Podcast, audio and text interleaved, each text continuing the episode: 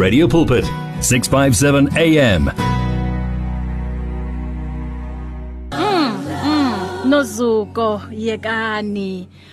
Uzobushaya kanje nozuko ku ungazibulali awareness campaign. Ngicela ugcoke ugcoke ngoba ngeke uzizwe. Mm uzobuhlabelela kanje. Eish Nkosi yami sizabe sisamkela amandla. Amandla. Even this time uJehova usenkulunkulu. Amen. Yeah. Amen. Sawubona ngiyabonga ukuthi ube nathi em ku lentambama sizoyikhuluma lentaba si prepare ke em le campaign ungazibulali awareness Yes. campaign Yes. and ungomunye wabaculi em okuwukuthi uzobe usibusisa uzobe usakha uzobe usiphilisa em ngomculo wakho ngoba ngihlezi ngisho ngithi umhlabelelo udlala indima enkulu em ku em empilweni yethu kamoya. Ngoba lapho simdumisa khona uJehova kuba namandla. Lapho simworshipa khona uJehova nalapho kunamandla. So praise and worship amen. ibalekile so la kule campaign sizobe ngempela simdumisa uJehova sithi siyabonga baba. Ngoba lokhu akwenzeki um ngokuthi thina siyazi o Oh. yebo o sihlakaniphile. Nkosi yami. o sitshela ukuthi singcono kwabanye abantu. O sitshela ukuthi thina singakwazi ukuthi a- abaphiliswa yithina. And nalokho kuzofika kubona ukuze umuntu ashintshe umqondo wakhe athi hayi cha yabona lento engifuna ukuyenza ayibalekile ithi ngibeke nje konke kuJehova. So ngiyabonga um nozuko ukuthi nawe ube yingcenye em yale campaign. Amen. ngicela babingelele emakhaya. Ah man bingelela izithandwa zami emakhaya. Ngiyanithanda kakhulu. Ndibukelele ke nosisi bahle ndithi molo sisi. Um I can't wait for it Yeah. to kukhona imiphefumulo izawusinda you know uh kwezinsuku ukufa kuninzi. Yeah. uh, families abantu abaclose uh and ezinye izinto zenzeka not because uJehova uvumile. Yeah. Zenzeka ngenxa yesimo. Yebo. So on that day uh sizobe sisithi kwanele Jehova. Mm. Siyabonga. Mm. Because silifumene ithuba i i- second chance. Yebo. Uh ukhe wathi omnye umfundisi bethethe wathi siphila kwixesha apha kumele sizazi bas which season. Esikuyona. Esikuyona. Yeah so sibonga ukuthi thina sizabe singenile kulo season. Mm. uJehova abahambileyo a- a- aka abahambanga because bebengeni ebe- ebengabathembi. But ubonile ukuthi abazukwazi ukuhlala ngelixesha so wasithemba uThixo uba sibe khona and si, si senze umsebenzi wakhe. On that day sizobe sithi kwanele. Sithi phansi. Phansi ngokuzibulala. akusisona isixazululo. Mm, akusona isixazululo. And awuye ezulwini. Yeah ngoba akusisona isikhathi sakho. Udelela uNkulunkulu uthi mina Thixo ndizazithatha ubomi because wena mdali awu awunamvume empilweni yami kukudelela uThixo ngokuphandle. Nozuko ngicela ukuthi ngindlule ngala eh ngoba umphathi ukhona la um i-founder eh ye ungazibulali campaign so naye uzosijoina kule nkulumiswano ngiyabuya nje emveni kwalokho You're at 657 AM. Radio carrying 24 hours a day. 657 AM. Many people across South Africa are being blessed and encouraged by the Radio Pulpit devotional magazine, The Word for Today. This publication places the gospel of Jesus Christ in the hands of more than 100,000 people every day, inspiring every person, from the professional businessman to the needy person who lives on the streets. Each edition contains daily scripture based devotionals and inspiring articles to help you grow spiritually. The booklet is given with the compliments of Radio Pulpit, but your donation, large or small, will help us to print the next edition and continue being the hope of the gospel to a world in desperate need. The word for today. Get yours today on 012 334 1200 or subscribe online at www.radiopulpit.co.za. Radio Pulpit, your daily companion. Give your faith wings. Explore life with 657 AM. 657 AM. Isikhathi ke sithi 19 after 3 o'clock singena ke kulesi sigaba sesibili. Njengoba ke sikhuluma ngale campaign ungazibulali awareness campaign eh njengoba ke ngishilo ngithi u Radio Pulpit uyingxenye em yale campaign. Nathi sizobe silapho sithi phansi ngokuyibulala sithi kwanele. Kwanele. Ngoba uzoyithatha impilo yakho kanti uwena umuntu okumele wenze mhlambe omunye umsebenzi ukuthi uyamdinga omunye umuntu. So uma ungasekho uzokwenza ngubani loyo msebenzi? So wena sesinozuko yini into yathi uyazi nami ngifuna ukuba ingxenye yale campaign? Yini into e- eya- eyaqhuquzela nje wathi nami ngifuna ukuba khona ngifuna uku um, ukuyovuselela imphefumulo ngom- ngomhlabelelo Um I believe singamakhola okanye singabantu abasinisiweyo we have umsebenzi wokuphilisa. Wo- xa sihlabelela uh mina ezumhlabeleli ndazixelela ubana abantu bazosindiswa. So the reason dabayile part yokuthi ungazibulali kusi- kukusindisa imiphefumulo kukusindisa abantu abakude nelizwi likaThixo. Because uh izwi likaThixo lelona elisinikeza ukukhanya nokuzazi uba kahle kahle kumele senzeni and yintoni ebalulekileyo ngobomi bethu. Because at the end of the day abantu kumele basindiswe abantu kumele balifumane izwi likaNkuluNkulu. Njengoko thina sesilifumene izwi likaNkuluNkulu because si si lithi izwi lenkosi siyityiwa yehlabathi. That means where apho kungekho uThixo thina sifika sizisa uThixo. Because uh ezintweni zonke uThixo ngumncedi ezintweni zonke uThixo nguye ozisa peace ukuze ungazibulali nguye oku okuguidayo ukuthi kumele wenzeni ngexesha elithile.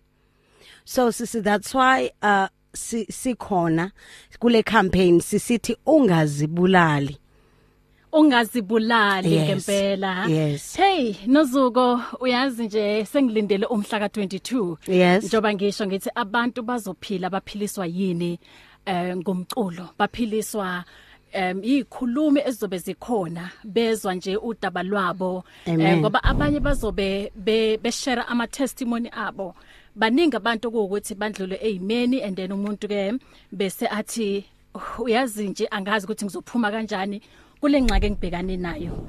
Into nje engayenza ukuthi ngiphe ngiphelise nje ngempilo yami. So si iyona ke into siyilwisayo sithi ukuyibulala akulethi neze isixazululo. If you need prayer, please send your request to prayer at radiopulpit.co.za or WhatsApp 067 429 7564 or go to Radio Pulpit website on www.radiopulpit.co.za. One vision, one voice, one message. Radio Pulpit 657 AM and 729 Cape Pulpit, impacting lives from Gauteng to the Cape. Usabatha masoka. Abaningi bamazi lapha from iJoya celebration. Hey sabatha. Hey qala qala ngagcina mfowethu. Hayi ngikhona. ukhona mfowethu Ngikhona ngikhona. Hey, uyazi akumnandi ukubona abantu kodwa ke eh, kusho ukuthi into ezifana lezi zenza ukuthi abantu baphinde bahlangane ba- Kakhulu. babonane Yebo kakhulu. So bengikhuluma nosesinoziko nozuko earlier on ngomunye Yes. wabantu ukuthi bazobe minister ngomculo and iyo ngambona lo sisehlabelela ne Mm. mm, live ele ngaze sister ngamtshela Monique. ngathi bona uyazi futhi mawuhlabelela live kundlula mengilalele iCD Yes, yes. ngendlela uyabona ukuthi uNkulunkulu umbusise ngayo um nge voice enhle Oh, yes. um she's a worshipper ngingasho kanjalo and ngiya nabantu abafana nani bazobe khona ngomhla Yes. ka22 Yebo. so nizobe nje sizobe siwumndeni owodwa. Oh, yes. em siza phambi kuka Jehova sizokhalela kuyena. Sithi baba yithi laba.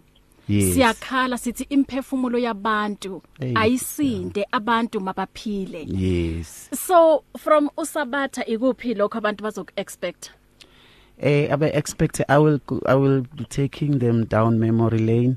Um I'll be doing songs uh, my aboziyo lunyembezi yeah. Um I'll be doing abo nkosingisima miseke songs I used to do when I was in Joya celebration. Konje bokujoya celebration bani? Uh, I was I entered Joya celebration 3 yeah. but then I started doing leads on 5 aha. So I I did it until when? forever. Forever. Namanje usasana ijoyas no no no. Now they just call me when they need maybe a certain client need Okay. that song so Uh-huh. nobody can sing that song. So manje wenza isolo yeah I'm solo now I'm wow. solo wow yes, siyakubongisa ngoba ke ku- kuyabonisa ukuthi kune progress Yes, eh kuyabonisa yes. ukuthi lokho kufundile kujoya celebration Yes, uyaqhubeka ngayo yebo. uthi manje sengiyakwazi ukuyimela ngingedwa Oh, yes. ngingakwazi ukuthi ngiqhubeke ngimdumise Jehova Yes, eh yes. abantu baphile through umusic ngoba asihlabeleli kuphela ngithi hayi yebo phela. sihlabelela ngoba sifuna ukufinyelela yona lemiphefumulo Imiphefumulo. ebuthaka Hey, ngoba Nkosi umuntu yami. ugcina ayicommit suicide akazi ukuthi akhulume nobani akazi ukuthi angayithola kuphi imvuselelo Yebo. so uma nihlabelela ni- niju- nijula from um ekuhlabeleleni kwenu and ni niyakhuluma ngalomhlabelelo niyapreacha ngalomhlabelelo kunomuntu ukuthi um uyalalela athi hayi usabatha yazi uyayikhuluma le ndaba Oh, kodwa yes, ngomculo. Yes, yes. um mphathi um babukhanya. Eh babukhanya akekho ready? Uyazi nje ngiyabona urelaxile. Ngicela ungivumele ngisukume ngime ngeinyawo ume ngeenyawo ngicela ungivumele ngisukume ngime ngeinyawo ngoba neSouth Africa ime ngeinyawo so ke nami ngifanele ukuthi ngime ngeinyawo and lana elayinini sinobaba u- u- u- umuzi mthabela. Sawubona baba umthabela. Sanibonani studio sawubona mlaleli nawe ekhaya. Ngiyethemba ukuthi wonke umuntu is enjoying a beautiful Sunday afternoon. Amen amen amen. Um ungomunye wabantu othe nami ngiyasukuma. Ngifuna ukuthi ngiyohlanganyela la eh, sikhulume nabantu sithi hayi sekwanele ukuyibulala akusiyona into okuwukuthi um i right ukuyibulala akusisona isinqumo okuwukuthi singakwenza ekutheni uphume kule pain mhlawumbe obhekane nayo. Kodwa ke uzobe uyishiya le pain nalabantu abazobe besele. So Yeah. babumthabela Um abaningi bakwazi from isibaya. Konje hayi yabona ngenza iphutha ngoba ngithe bayede. Cha kumina kwakuthiwa amadloko. bekumele ngibingelele kanjalo yazi ngishaya ngishaya izandla ngithi bayede Mawusuthi bayede usuthi ngikhatha nendlunkulu. Mhm siya- siyabonga baba ukuthi ube yingxenye yale campaign enkulu kangaka. So wena umyalezo nje onawo kuwo wonke umuntu eh nalabo bathi hayi cha hayi mina eh, angiyiboni nje lento ukuthi kungani kumele ngibe yiphathi yayo. Ngathini nje kuyena? Uyazi akekho umuntu owadalwa uNkulunkulu emdalela ukuthi ayibulale. Mhm.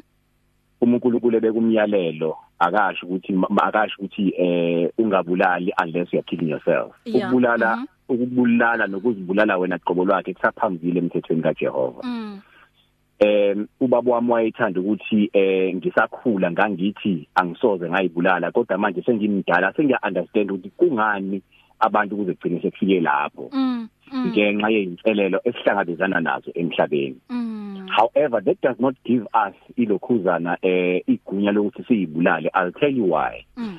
Umlaleli mhlambe ekhaya ohlele ekhaya thinking ukuthi eh it's because you do not understand my problem. Mm. My problem is different. That's mm. why ngicabanga ukuthi the only solution is to kill myself. Mm. There are people who are going to be there on Saturday who are going to come and say ungazibulali. Here is a solution. Every problem has a solution. Mm. however it is very important as well to look at the spiritual aspect of why we end up killing ourselves mm kul- kunempi yanginaphakade ekhona between the, the kingdom of light and the kingdom of darkness yeah okungenza ngijabule kakhulu ukuthi there are going to be ministers who are going to be praying with people breaking soul ties breaking generational curses destroying powers principalities and rulers of darkness in the spirit because mm. Impi elwiwa usathane uma umuntu eze eyibulala. It's because unaleli voice that keeps whispering in your ear. Yeah. ekutshela ukuthi there is no other solution ngaphandle kokuthi uyibulale.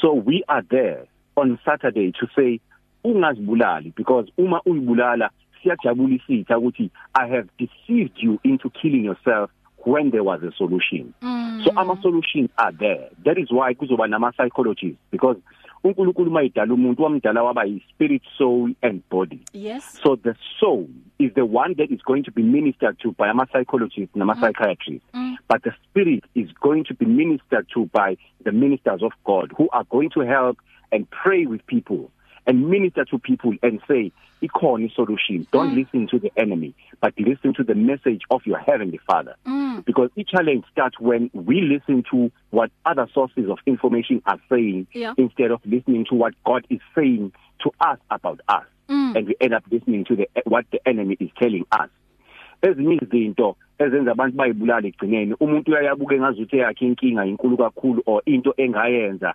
iyihlazo kakhulu but God is saying ukuthi I am willing to forgive everyone and anyone who comes and says forgive me father I have mm. sinned mm. the prodigal son lithi iBhayibheli wavuka ekseni wathi ngizovuka ekseni ngihambe ngiye kubaba ngiyocela intethelelo hey but when he got to his father mm.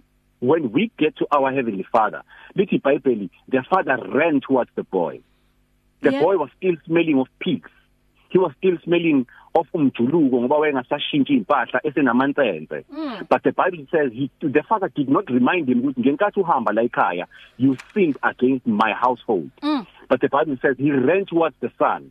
As the son was crying saying baba please forgive me. Before he could even finish the sentence the father was saying was was already hugging him and kissing him and instructing angels in heaven to say bring the robe bring the shoes cleanse the boy wash him.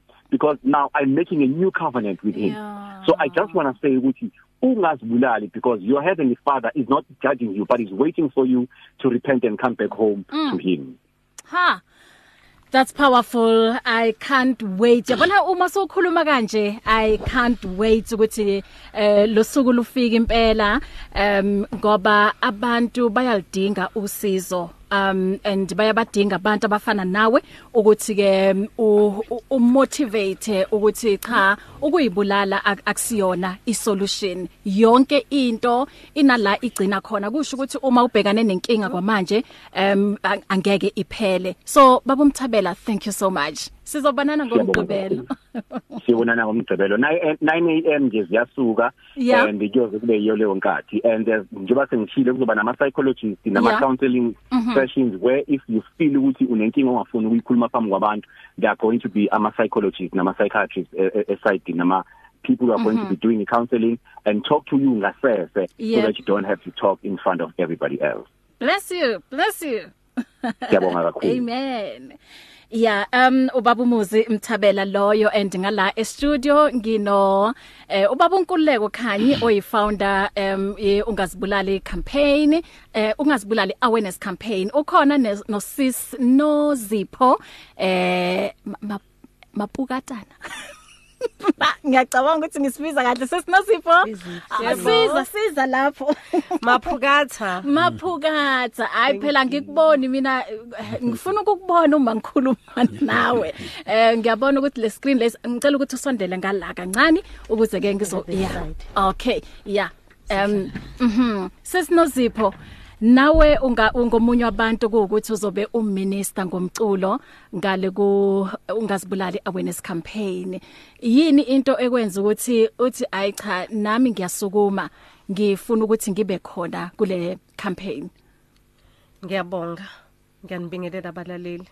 Into eyenza ukuthi ngibe khona ingoba ngine experience yalento okukhulunywa ngayo. Yeah.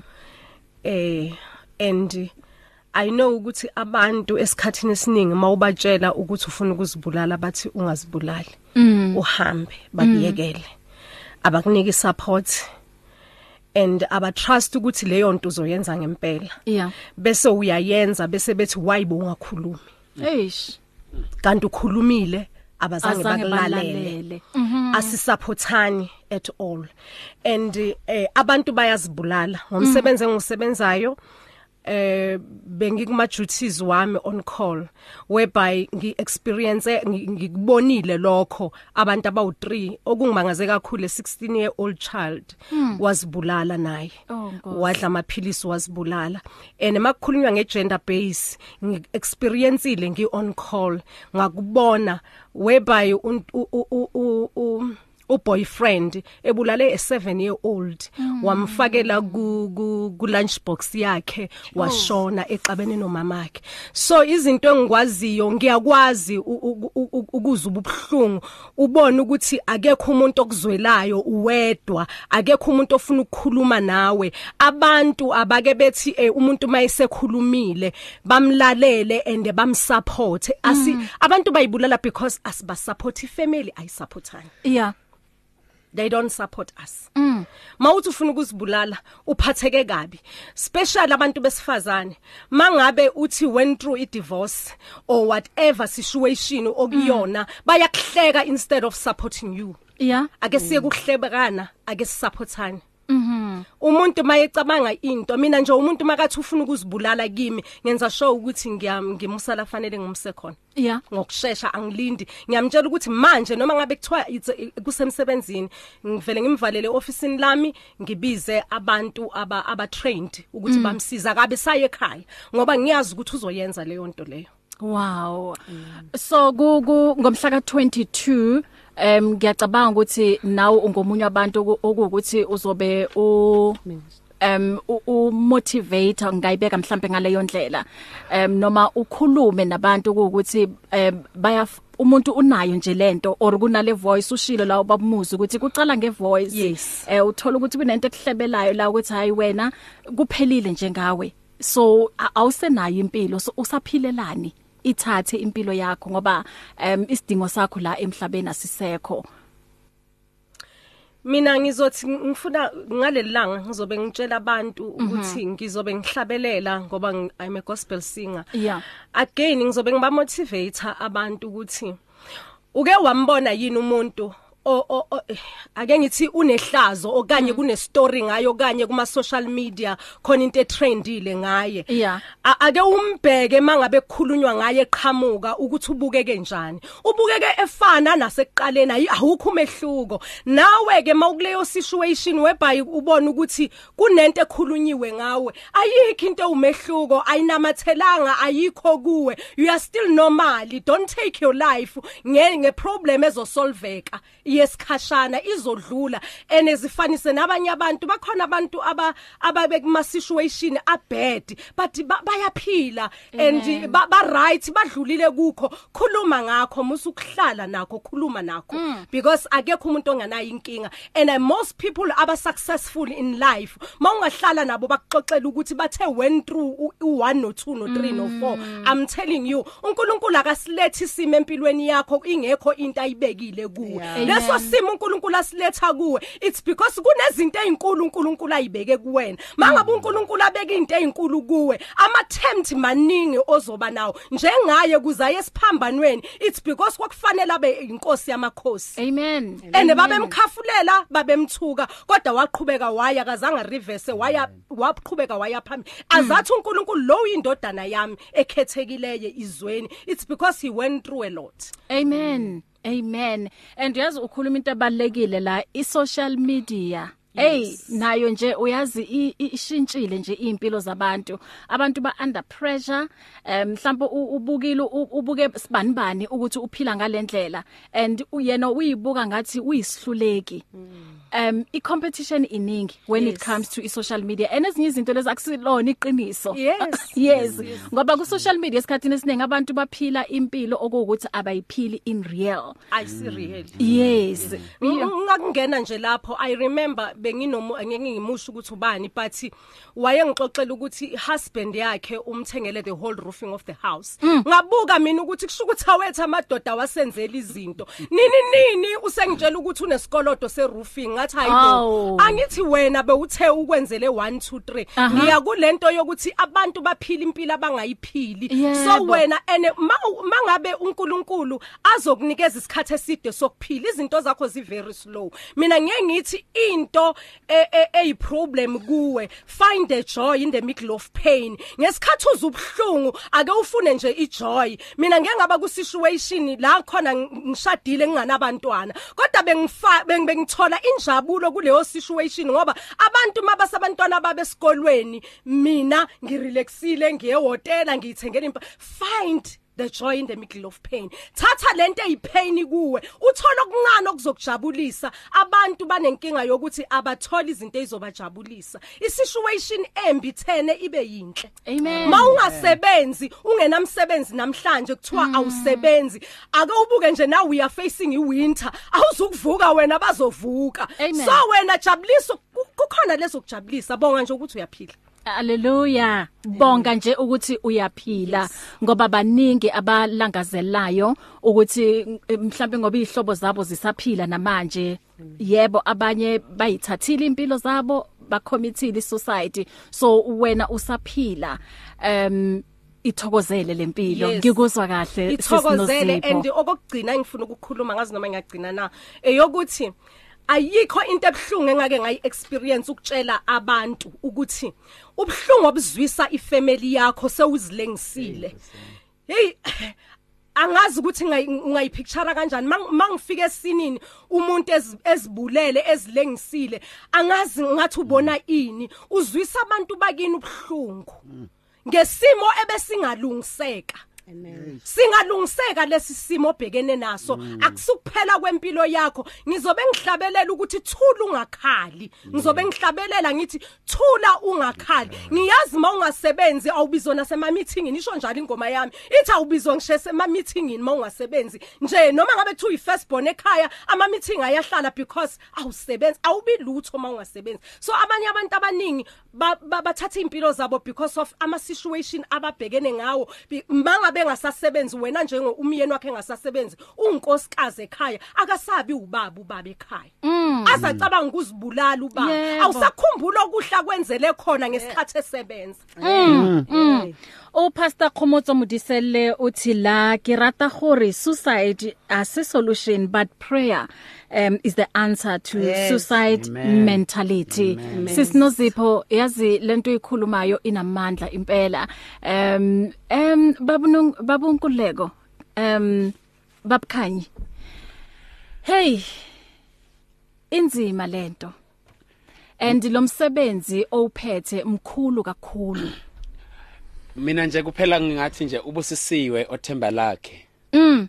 likuJehova ubusisiwe othemba lakhe likuJehova Amen. asikaze simbone uNkulunkulu bahle nabalaleli beRadio Pulpit nabaculi esinabo la studio nabefundisi esishiya in this 11 years sigijima ngale ministry sithi abantu ungazibulali.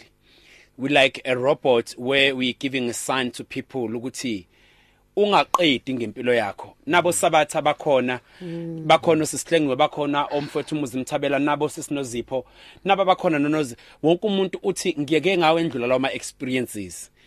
Ingakho ngithi ubusisiwe othemba lakhe lekuJehova. uJehova uhambe nathi eh kwaze kwaba ila bekungelula. Sishayekile empilweni zethu sahanjelwa ngabazali bethu sahanjelwa ngabafowethu sahanjelwa yonke into obungayicabanga empilweni yethu. Kwalahleka sahlekwa. Nangabantu besibathanda sibathemba baswriter off bakhuluma izinto ezinegative ngempilo yethu. I remember uma ngiattempta isuicide okokuqala ngiphuza amaphilisi. I remember the second time ngiattempt suicide ngibeka intambo emqaleni and people mangiqala this initiative ukuthi ungazibulali kwangathi ijoke ebantwini abaningi. Ngithi mina uNkulunkulu khona into angitshena yona ukuthi khona isikhathi esizayo la khona ucaptain ubuye emaphoyiseni. Udadewethu so angazi ukuthi uma kukhona abantu bomthetho singobani thina? Makukhona abaculi osaziwayo abazomemezela abefundisa abazothi impela lento ikhona. Mhla inkosi ikhuluma kumina ithi inkululeko qala lo msebenzi. Ngoba kuze isikhathi la khona abantu bazobe bengasabulawa iHIV bengasabulawa iheadache kodwa bebulawa nje intambo. Nesibhamu. Kuba yona nto nje umuntu ayicabanga nje kuseni kuseza isikhathi la khona abantu uzothi mawulala nje kuseni Yeah. avuka umuntu efile. Sizokhuza lowo mhlolo ukuthi eSouth Africa it's enough. Ngiyajabula ngoba nabefundisi baphumela obala this time bathi nathi depression sixakile. Bathi siphethe amabandla kodwa depression isibambile. Si- sisiza amabandla kodwa nathi isuicide siyizwa each and every day. Kulezi insuku abafundisi bayahlambalazwa babhala kabi kuma social media abafundisi. The only thing abanayo abafundisi ukucabanga ukuyibulala. So isuicide ayinendaba ukuthi uprofessor ayinendaba ukuthi uyicelebrity ayinendaba ukuthi ungumphathi wamaphoyisa ayinendaba ukuthi unemali uhlala emhlanga uhlala esentini Yeah. uhlala e- esilverton. Uma isifikile yona iyajumpa iye ngale kweprofession onayo. Ey, ey, ey, ey, ey, ey. One vision, one voice, one message. Radio Pulpit 657 AM and 729 Cape Pulpit, impacting lives from Gauteng to the Cape. I-depression ayinakuthi ungubani? Ayinakuthi i-status sakho sime kuphi? I-depression ihlasela nje wonke umuntu. Oh uyasho la uma mhlengiwe uthi laphalala igazi sinaye la elayinini. Mamhlengiwe Yena ngiyabingelela bonke abalaleli bomsakazo egameni leSilamu Christ Jesu. Amen amen. Siyabonga ukuthi um ube nathi and siyabonga ukuthi nawe ube yingxenye yale campaign enkulu kangaka sithi ungazibulali sithi Yebo, yebo, sekwanele. kunjalo. mhm. Hayi kwanele kakhulu. mhm. Ah njengamanje abantu abaningi abaguli uma ngasuya esibhedlela. Eh ubuza udo- udokotela ukuthi kahle kahle lo muntu azagula zebe kulesi simo uqalekile. yeah Konke kuqala ku depression. mhm. Akumane kuqale nje ukuthi amanda agule. yep. And then after depression yila umuntu mase yasuka khona athi yazi akusekho. Mangibheka ka left kumnyama ka right ngithi ngibheka kwindawo amani ayikhunge umuntu. Kanti suke sekhona ithemba. Sithi thina njenge company ungazibulali woza akuwena wedwa othwele sonke sithwele kodwa asikhulumeni ukuze yonke lento iphume sikwazi ukuthi sibe right. Emabandleni siyayo emabandleni si silimele eh si depressed sihlabelele senze konke kodwa siphinde siphume si depressed because we never spoke about what was lo lokho kungidlala mm. Okunye angikwazi ukukhuluma nanombani. Kodwa ngidinga umuntu engingamazi engingakhuluma naye. Mm. So ngomhla ka22 sithi abantu abeze ukuthi sizokhuluma nabo sizokhuluma. Akuyona into yangomhla ka22 kuphela Yep. futhi izobe ingaqali ngomhla ka22 into ezoqhubeka icampaign le yokuthi ungazibulali noma bese kwenzekene sekwenzakale ini but ungazibulali mana nje. Ngoba uNkulunkulu sekhona Amen. uNkulunkulu sekhona, uNkulunkulu uyaphilisa. uNkulunkulu akafuni ukuthi siyibulale. uNkulunkulu uthi asiphile. Nezwi liyasho ukuthi um lempilo kumele siyiphile. um ichichime singayi yebo ngoba uKristu ukusifela kwakhe siphambanweni uyasho la uthi igazi lakhe laphalala akungabe ukuthi liye laphalala for mahala nje Amahhala. yebo akubo ukuthi siya siya appreciate ukuthi uKristu wakwenza lokho ukuthi siphile hayi ukuthi sizoyibulala mamhlengiwe nanokuthi uNkulunkulu akakwazi ukuzehlela. Azoxoxisana nawe aha. Uthume mina Yep. ukuthi angixoxe nawe. Yebo asingabi too spiritual. Size siyeke ukuthi kahle kahle kunezinto efanele siyixoxe. Akuzona zonke izinto esingase siyithandazele. Yep. indaba depression uma bathi depression yomthandazo ngabantu abadepressed abathandazi babuya kusasa. Kodwa uba depressed uvala amawindi uthule uthi cwaka awuthandazi kwakuthandaza. So okuchaza ukuthi usuke udinga umuntu. Lisuka asuke ngeke ngeke ehle amazulu ehlele wena. Kodwa mina ngikhona ngikhona for wena. Nawe ukhona ukhona for mina. ukuthi ukuthi ukusiphi istatus abantu abakuphe sona empilweni ak- akunandaba lokho. U- ukukhale emotweni uyidriver. Umuntu oyibukayo ebefisa "Mm, nami ngelinye ilanga ngiyafisa ukudriver leya moto. Kanti wena ngaphakathi ukuthi yazi le moto engathi nje ngingayifaka etruckini Mm. so siyadingana Yebo. eh we, we, we siyadinga ukukhuleka kodwa we, we have been too spiritual in the church Yes. that ezinye izinto asayi- sa- sathi umoya ingcolo uzozenza kanti uNkulunkulu akayenzi into ekufanele yenziwe umuntu Mm. Isikhathi sethu ukuthi manje we support each other. Singathi uNkulunkulu uzokwenza it's it's our uNkulunkulu usibekele khona ukuthi nje si- si- sibe nomunye asithi mangibe sixoxa indaba. Komunye nawo nomunye o- o- hayi sibanibani nami ngakulekela nami nami ngakulekela ngoba amazulu ay- ay- akanakwehla Ehhe. inkinga yethu we've become too spiritual. Ekuthina ezinye izinto asikwazi nokuyixoxa siseba nanokusho ukuthi yazi uthini bazalwane i'm so depressed mawusosontweni Yeah. Mm. ngoba kuzothiwa umzalwane akabe depressed. Mm. idimoni So- nasikuthandazela ah noma ungangithandazela ngithwele. Mm. ngidinga ukukhuluma Udinga ukukhuluma and udinga umuntu o- o- ozokulalela. yeah Ah, mamhlengiwe, thank you so much. Sobonana ngomhla ka22. noma kanjani Amen. ngiyabonga kakhulu Bless you, Yeah, mama. bless you It's difficult to face the overwhelming pressures of life alone. Sometimes we just need someone to talk to, someone to listen to us. And what better way to do that than through a quick and easy WhatsApp text? Whether you're having a hard time coping with school, family issues, being bullied, depression, or anxiety, speak to someone who cares today.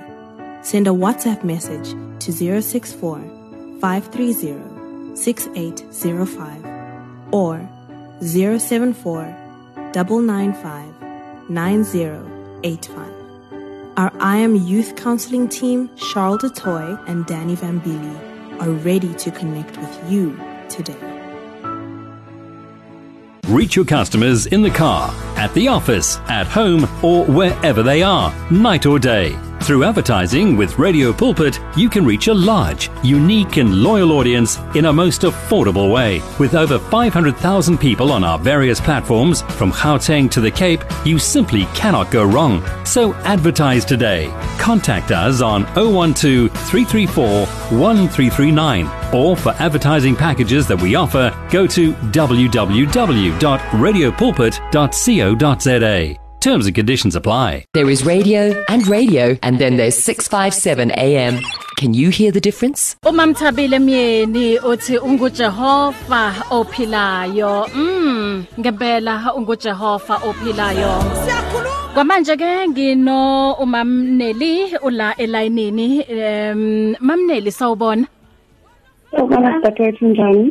Ngiyaphila wena unjani ma Hayi inkosi sasigcinile. Amen amen em ngomhla ka22 05 ngo9 ekseni sizobe sihlanganyele eRabasotho Community Hall sithi kwanele ungazibulali Yebo. ungomunye wabomama ukuthi uzobe ukhuluma nawe Yebo.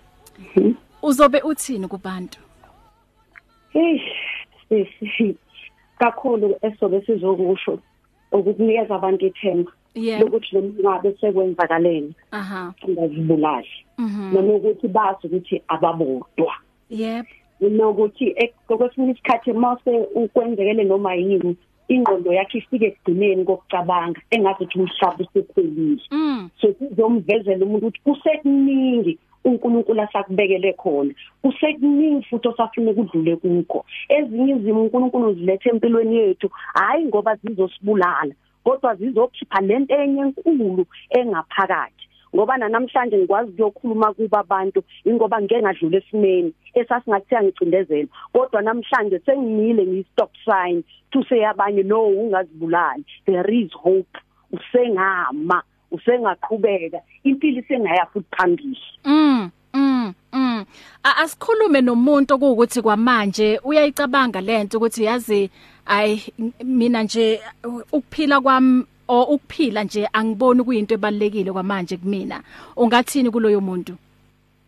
Kodwa nje empilweni engikwazi lokufanele ukubalekayo ukuthi njalo uma sisenkingeni ingqondo ivana icabanga into eyodwa. Yebo kanti uma ungakuyi switch off ekucabangele lento eyodwa ubheke ezinye emaceleni.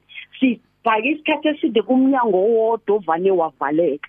Kanti miningi izinkulungwane evulekile futhi levulekile evuleke nezinto ezinhle ukudlula ezalo kade ivalekile. Mm mm mm. Mamneli um isikhathi sami sona nje uyazi sinomona. Asifuni nje ukuthi ngikhulume nawe. Ngiyeza ukuthi ziningi indaba osiphathele zona la. Kodwa ke okuhle ukuthi ngomhla ka22 nawe uzobe ukhona. So uzokhuluma nje konke em si sivuselana and sikhuluma nomuntu okuwukuthi ukuleso simo um ebona nje ukuthi impilo for yena uyazini i useless ubona ukuthi nje avele ayithathe. So mam mamneli on the 22 sisonke ngicela ubaqoqozela lapha ekhaya ukuthi abeze engingakusho nje ukuthi kumphakathi wethu kubantu bethu abakhona around eJoburg noma umhlaba wonke la umuntu ongakhona ukufinyelela khona ukuthi wozani ningazibulali. Ithemba lisekhona. Kuningi uNkulunkulu asasibekele khona. Itafula ligekiwe imenu iningi you can choose whatever that ukufunayo Mm. Amandla akuwe. Amen. Igunya likuwe. Hallelujah. Igunya likuwe. Mm. Thank you so much Mamneli ngicela ukuthi ngikudedele. Ngiyabonga kakhulu. Bless you mama. Mm. Um singindlule ngemiyalezo la embalwa. Greetings in the name of Jesus Christ bahle and family. At the age of 10 years I was informed that my mother committed suicide when I was 2 years old. So throughout my teenage life I was suicidal until June 1992 at the church in Randburg where I was prayed for by the pastor who quoted a scripture John 10 verse 10 and I was delivered from that day. It was a voice whispering to me saying killing yourself or, or kill yourself because you are useless this is a long story and uh, uthi usikhathe short uLydia Um umfundisi uPrince Nhlapho uthi siyabonga ukuthi uNkulunkulu is raising people like you guys to intervene and save lives. God bless you for the work you are doing. Um babkhanyi Yes, ungathini uma ungakhuluma noLydia lo osithumele la imessage? Eh Lydia qala angikusho nje ukuthi antu ngazibulala awareness campaign eh personally noza kwethu enginabo la ubalekile kuthina uyathandwa. Nangale ukuthi uma wakho wahamba ngenxa ye suicide but we need to break that spirit. Ukuthi ke singakulandeli ngoba i depression ne suicide ibhlungu ngento eyi1 it's a generational cases it can follow you. If kunomuntu oyi1 ekhaya owahamba through suicide iyagcina ekulandela kube yinto engagcine yenzeka ukuthi bebe baningi abantu abadlula emhlabeni ngenxa ye suicide so i would say to aban listeners onke abalaleli njengamanje ukuthi nakuwena dadwethu siyakuthanda eh antu ngazibulala awareness campaign eh ubalekile empilweni yethu. Amen amen. Uyazi uNkulunkulu muhle babkhanya yabona isikhathi sethu sithi is 3 after 4 bekumele kwamanje siyaqeda inkulumo yethu. Kodwa ke our next guests ba late Kasiyami siyabonga ama guest nokuthi nifike late. So sizomthatha lo 12 minutes ngoba bathi ba 12 minutes away. Um siqhubeke nje ngayo and ngingathanda ukuzwa kakhulu kuwena um babunkulu Nangithabile bhala la message uthi se available mm. Uthi se okay sizoxhumana naye. Eh uyazi um Eh babsabathi ngathi angikuphanga isikhathi esanele. Mhlawumbe kukhona okubili okuthatha othanda ukukusho. Eh no man eh ngingasho nje ukuthi eh abantu abangazibulali uh, it's it's not a solution yeah. you know yeah. prayer helps mina i uh, i i went through depression myself at some stage but i think the only thing that i i had to do is to talk you know yeah. mm -hmm. talk to someone get someone and talk to that person so i had to talk to someone and then then i was okay you know and and we prayed together with that pastor and and I was okay. So it's it's it's iyanqobeka iyanqobeka i-depression and I Zasulwa don't ngempela allow inyembezi. inyembezi hey Ah, I I don't awungishayele one or two lines yale ngoma. A- awungishayele yona.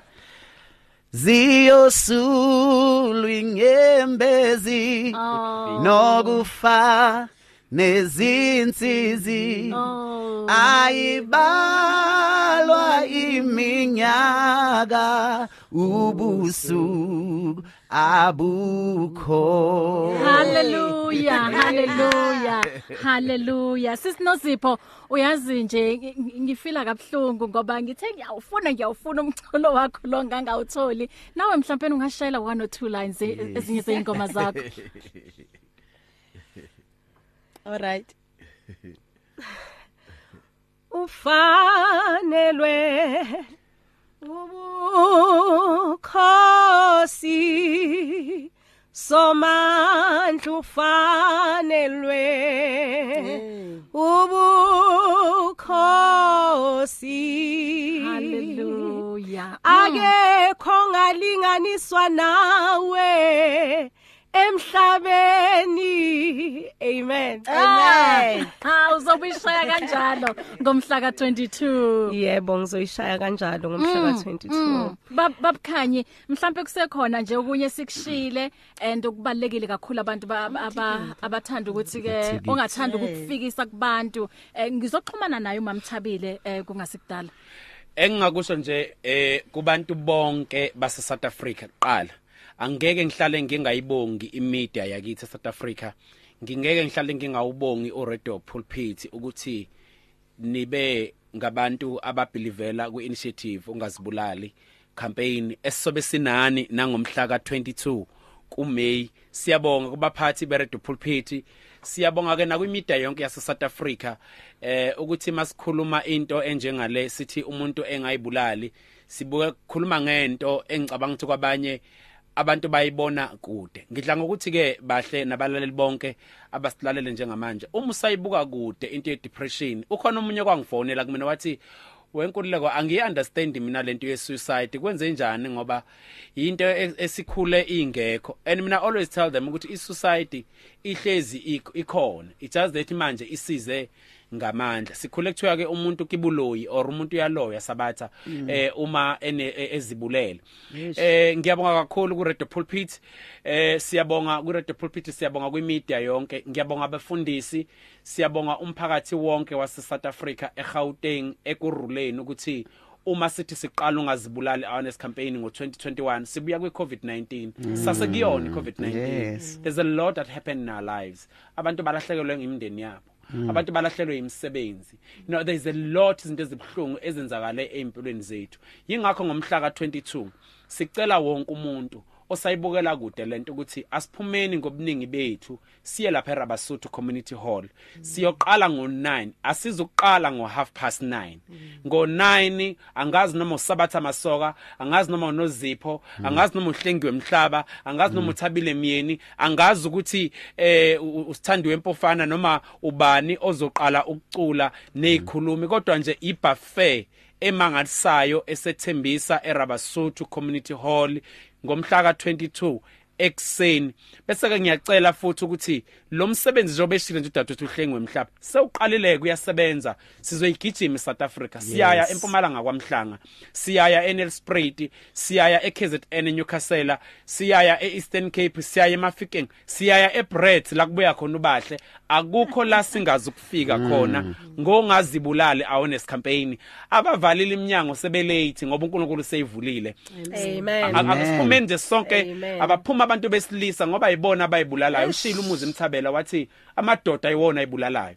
Insizwa izona ezi ezicommit ama suicide ake sithole ithuba futhi uzomangala webahle ukuthi mhla ka22 kuMay kuzobe kugcwele abantu besilisa u75% wabo sabatha amadoda nezinsizwa because bathola iplatform lokukhala nokuzokhuluma even nabefundisi kodwa ke mhla ka21 kunento emnandi ezokwenzeka lapha eThembisa. Simema wonke umphakathi waseGauteng ekuruleni simema abefundisi noma ngabe okuyipi ireligion okuyona ukuthi sizobe sine march ezoqala ngo half past 10 from eSwazi Inn siya eRabasuthu. Sizobe sikhuza umhlolo ukuthi hayi mani sekwanele sihambisa imessage ukuthi nazi intambo naka amaphilisi nazi ibhamu bahlukumezeka abantu baphela kangaka kodwa ke bese siyafika siyakhuleka uma siqeda lapho and then ngomhla ka22 sekuyibuffet ke ngiqeda ukuthola icall eh, bahle uma Yeah. ngizongena la studio omama bethu esibathandayo imasibiyele kuJehova Oh. Baf- bathi bantu abethu ningasifaki nokusifaka kwiposter Oh. kodwa siyeza mhla ka22 Hallelujah. le ndaba eniqalayo ithinta Amen. thina abantu besifazane uma kusuka omama abadala kangaka enelsprayed wena Yeah, useJohannesburg Nkosi uzohlala kanjani? Kusuka abantu omama imasibele kuJehova bathi bantu abethu sifuna ukuzokhuza ukuthi kanti konakelephi Hey. nazi ingane eziphela izintambo. Naka amaphilisi eqeda abayeni bethu nezingane zethu. Imasibele kuJehova ithi nabo bayeza. Ngiyacela ke kumlaleli ongakezwa ukuze nje ube yiphathi ye support of this initiative ungazibulali siyacela hamba nje uye web ticket e Pick n Pay. Ithikithi ngizwile bahle ukuthi wakusele awu 70 Oh. awu 150 nje amathikithi. Thola nje ithikithi lakho 150 uzothola ibuffet yokukhuluma ibuffet yokukhala yama psychologists for free. Uswakhokhela ama psychologists 100 1500 kodwa kwazi usizakala la uzothola ama psychologists for free kuzobe khona nokudla kuzobe khona nezikhuluma e web ticket e Pick n Pay ufike uthi nje ungazibulali awareness campaign. Kanti abafuna ukufona nemniningwane bangangifonela ke nami eh bethi inkululeko asilithola ithikithi ngingenza njani? Akhona nala report radio pulpit sizowashiya amathikithi. Eh ukuze ungaphoxeki ujike eminyango uma ngiza la endleleni ngithola icall from eh ama taxi awu2 from ephulukwane. Bathi sesiwakhokhela ama taxi Oh. siza ngama taxi from ephulukwane. Wow. size Wow, ungazibulali ngoba siyawufuna ungazibulali awareness campaign esishiho.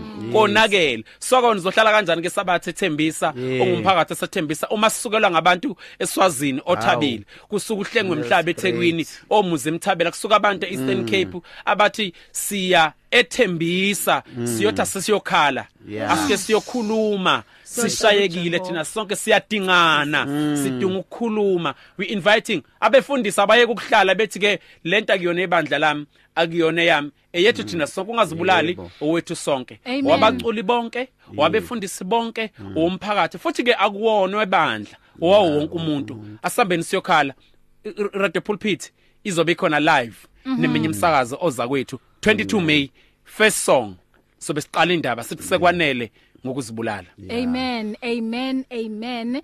Eh yazi kunomama la umama no- nomusa msibi uthi bahle ngithandazise ngithola imali yokugibela ngidinga umuntu engingakhuluma naye angikho right. Ah, mhlawumbe ikhona indlela esingahlela ngayo ukuthi mm, kule ndawo angazi uphu- uphuma kuphi mama nomusa kodwa mhlawumbe kungahleleke kungahleleka ne em babukhanyi ukuthi asazi ukuthi umama ubuya kuphi nezwe kodwa ke Yeah. singakuthokozela uma engasho emniningwane kuwena ma Yeah. eh, sis- eh, sisibahle ukuthi ubuya kuphi ngiyacabanga ukuthi sikhonela lokho ungazibulala into emnandi siyi unity Yeah. sisebenza ngokuthula eh bazobona nje abantu iprotocol yakhona nayo uma lo mina bengathi nje ma woza ethembisa eh thinta usisibahle noma uthinte mina usho ukuthi udinga ukufika kanjani eh ethembisa uzothola khona ukusizakala. Njengoba ulimele nje thina si theater on that day sizokuhlinza sifuna ukuthi uphume uthi lento engiyithole lapha nayifanana nezinye izinto engayithola empilweni. Yeah.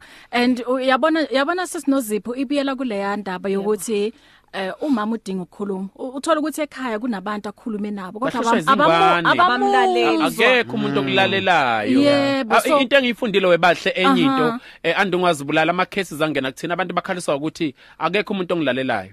Akekho umuntu ongamthanda ngiyakhumbula mina ngizama. Nga- babantu babengezwa. Abazalwane babethi ngingakhali. Abazalwane bayazi bayazi indaba yami egoli. Babethi ke ngizoba strong. Angilifuni leli gama elithi uzoba strong empilweni yami. Yeah. angilithandi ngesikhathi ngishayekile. Uma ngisenkingeni so ngidinga umuntu ozojumpa angilalele angisiza ngifuna umuntu othi kuzolunga. Ngifuna umuntu ozo actor Yeah. thina we tend to say eh kuzolunga uzoba strong. Thina amadoda sithiwa indoda ayikhale we are tigers. Thina andungazibulali sithi amadoda awakhale. Abantu besifazane abayeke ukuhlekana njengoba eshile eh, udadewethu unozipho. Ama cases amaphoyisa usebenza emaphoyiseni lo muntu uphethe emaphoyiseni. Ayazibulala amaphoyisa. Abaculi bazibulele abaningi. Sekwanele ngokuzibulala kwabaculi. Angikholwa ukuthi khona umculi ozofuna nje ukuhlala ethi mina ngikho kwiposter ngoba ngifakwanga kodwa lento yethu thina sonke. Sonke. abefundisi bayadingeka amaphoyisa ayadingeka osomabhizinisi siyadingana. Sonke ukuthi ake siyothola iplatform ngoba funa usizakale mawufika lapha Amen. Umam Grace Ngwenya uthi sister Bahle what a campaign. I'm touched although I won't be able to attend but uthi what a good idea. Phambili ngecampaign phambili. Uthi ungazibulali ngizoyiattenda maybe you will reach uh, my area ngiyadinga um ukukhuluma. Mam Grace um sizofika njoba eshilo babukhanya ukuthi kuwo wonke ama province Northwest um uh akukho la singazofika khona.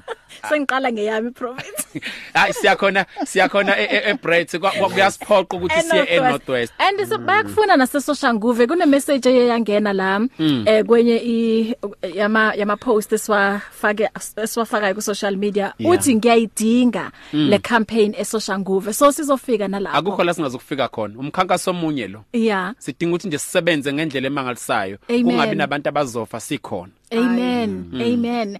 And kule Sekwanele. campaign asifuna ukuthi abantu babe more depressed. Mm-mm. Yingakho em kuzoba khona abaculi. yeah Yebo. Yebo. ama comedian Yes, kuzoba khona izikhulumi. Mm. Ama comedian Mm. kuhlekwe nanoma ku- kungekho mnandi kodwa kudingekile ukuthi sihleke. Uyabona nje olungaka njengoba ngimchaza uzobe echaza ukuthi ngashayeka kangaki kwi divorce Yeah. kungenzeka nawe ukwi divorce yakho athi mina i divorce yangishaya indoda ivela ngishaya ngama summons nje ngihlalele Ey. ngabona ama summons uzobe ekhulumela live. Yeah. kungenzeka umshado wakho nawe njengamanje indoda ikushaye nge- ngama summons U- ukhona omunye udadewethu ozobe ezokhuluma athi mina ngashada eh, umshado only one month.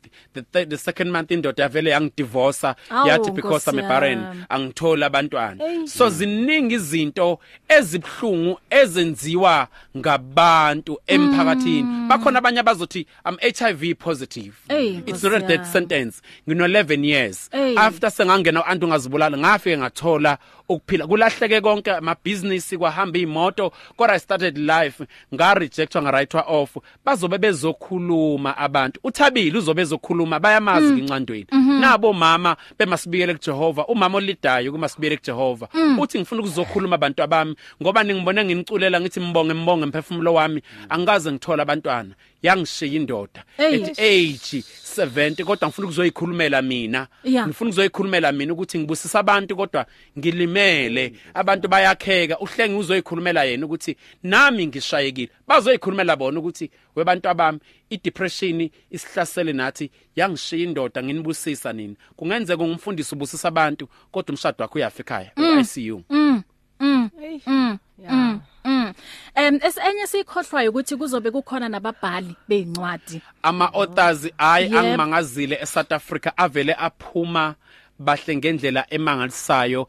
Uyabona mangababala nje ngavele iprotocol ngivele ngibhede. Sinama authors azobe share their life experiences. Yeah. Siyacela ukuthi sibasupporteni ama authors bazobe bekhona nabo eh baphumile osisithidi baphumile osisinkele o praise mlaba there are a lot of ama ama, ama authors nabo athi thina siyeza into engiyithande ngama authors akithi la eSouth Africa bathi we are planting the seed Amen. we are fundraising towards this campaign Amen. because sibhala lezi ncwadi it's because we are all wounded mm. we are all hurt mm. we are all bleeding mm. so the only thing is to sizokhuluma siyabonga babukhanyi eh, ukusinikeza leli thuba sokuthi size lapha we still inviting more who wants Yeah. to come and participate with us and siyacela abantu beze bazoba supporter and we gonna make sure bahle Yeah. ezongazibulala honest campaign ukuthi akekho oyi celebrity that day Yep. we are all the family Si sonke we equal. are equal Yep. sonke futhi sizodla wona iza nje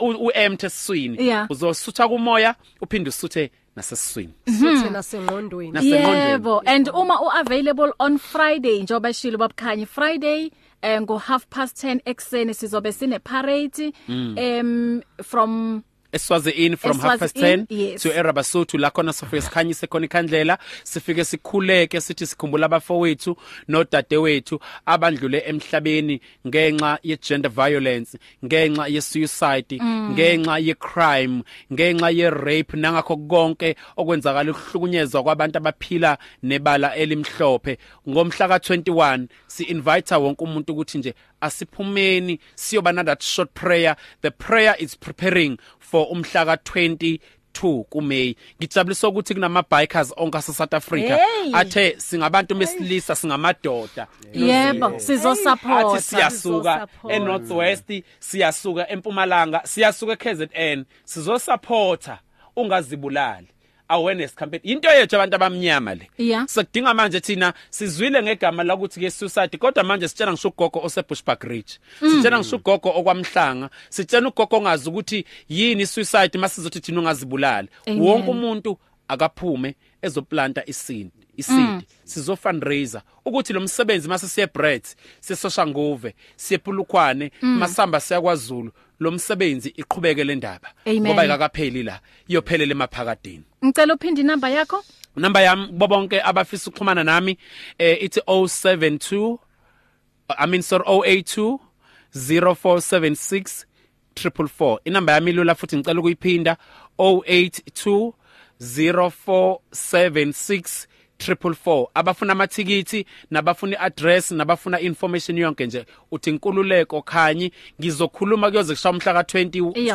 ngo9 ekseni ayaphela amathikithi.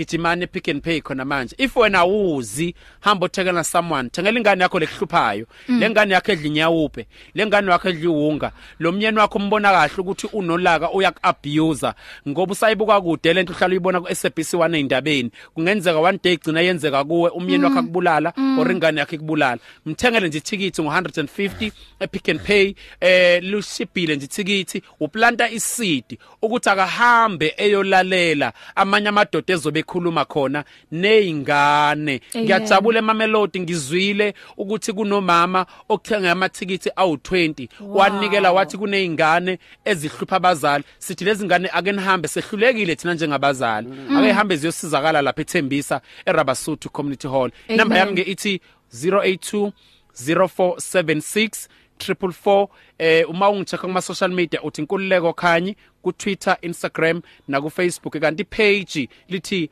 ungazibulali awareness campaign. Kanti ke sebenga-checka all the details under i radio pulpit. Nakwena ke bahle nhlapho bakulandele. You've been keep on posting. Bazombona live lo bahle enibona ku nimlalela ma redweni enu. Nizombona live ku TV ezobe broadcaster live usiswethu omhlophe la ingilosi sobe siyibona le angel live ikhuluma ethembisa Sengiyamoyizela uyabona. enemuhle Ngiyabonga. Usizandi uthi siyabonga kakhulu ngale campaign uthi wamuhle uJehova. Babukhanyi thank you so much ukuthi uze ngale um ngale campaign. Sisinozipho siyabonga eh ukuthi ngale kwezomthetho nani nikhona. Um nozuko wena ngiyazi ukuthi bona uma use stage you mean business. A- angiyazi worship esuka la Hey yabona iworship ezobe yenziwa yilengane yami sengambiza Ayi. ngengane yami enkosini ayi ayi ayi aku worship ezobe yenzeka ngalela langa Amen. Eh but Sabatha. Yes, thank you so much but wami sizobonana ngomhla ka22. Amen. Siyabonga. Amen. I'm looking Hallelujah.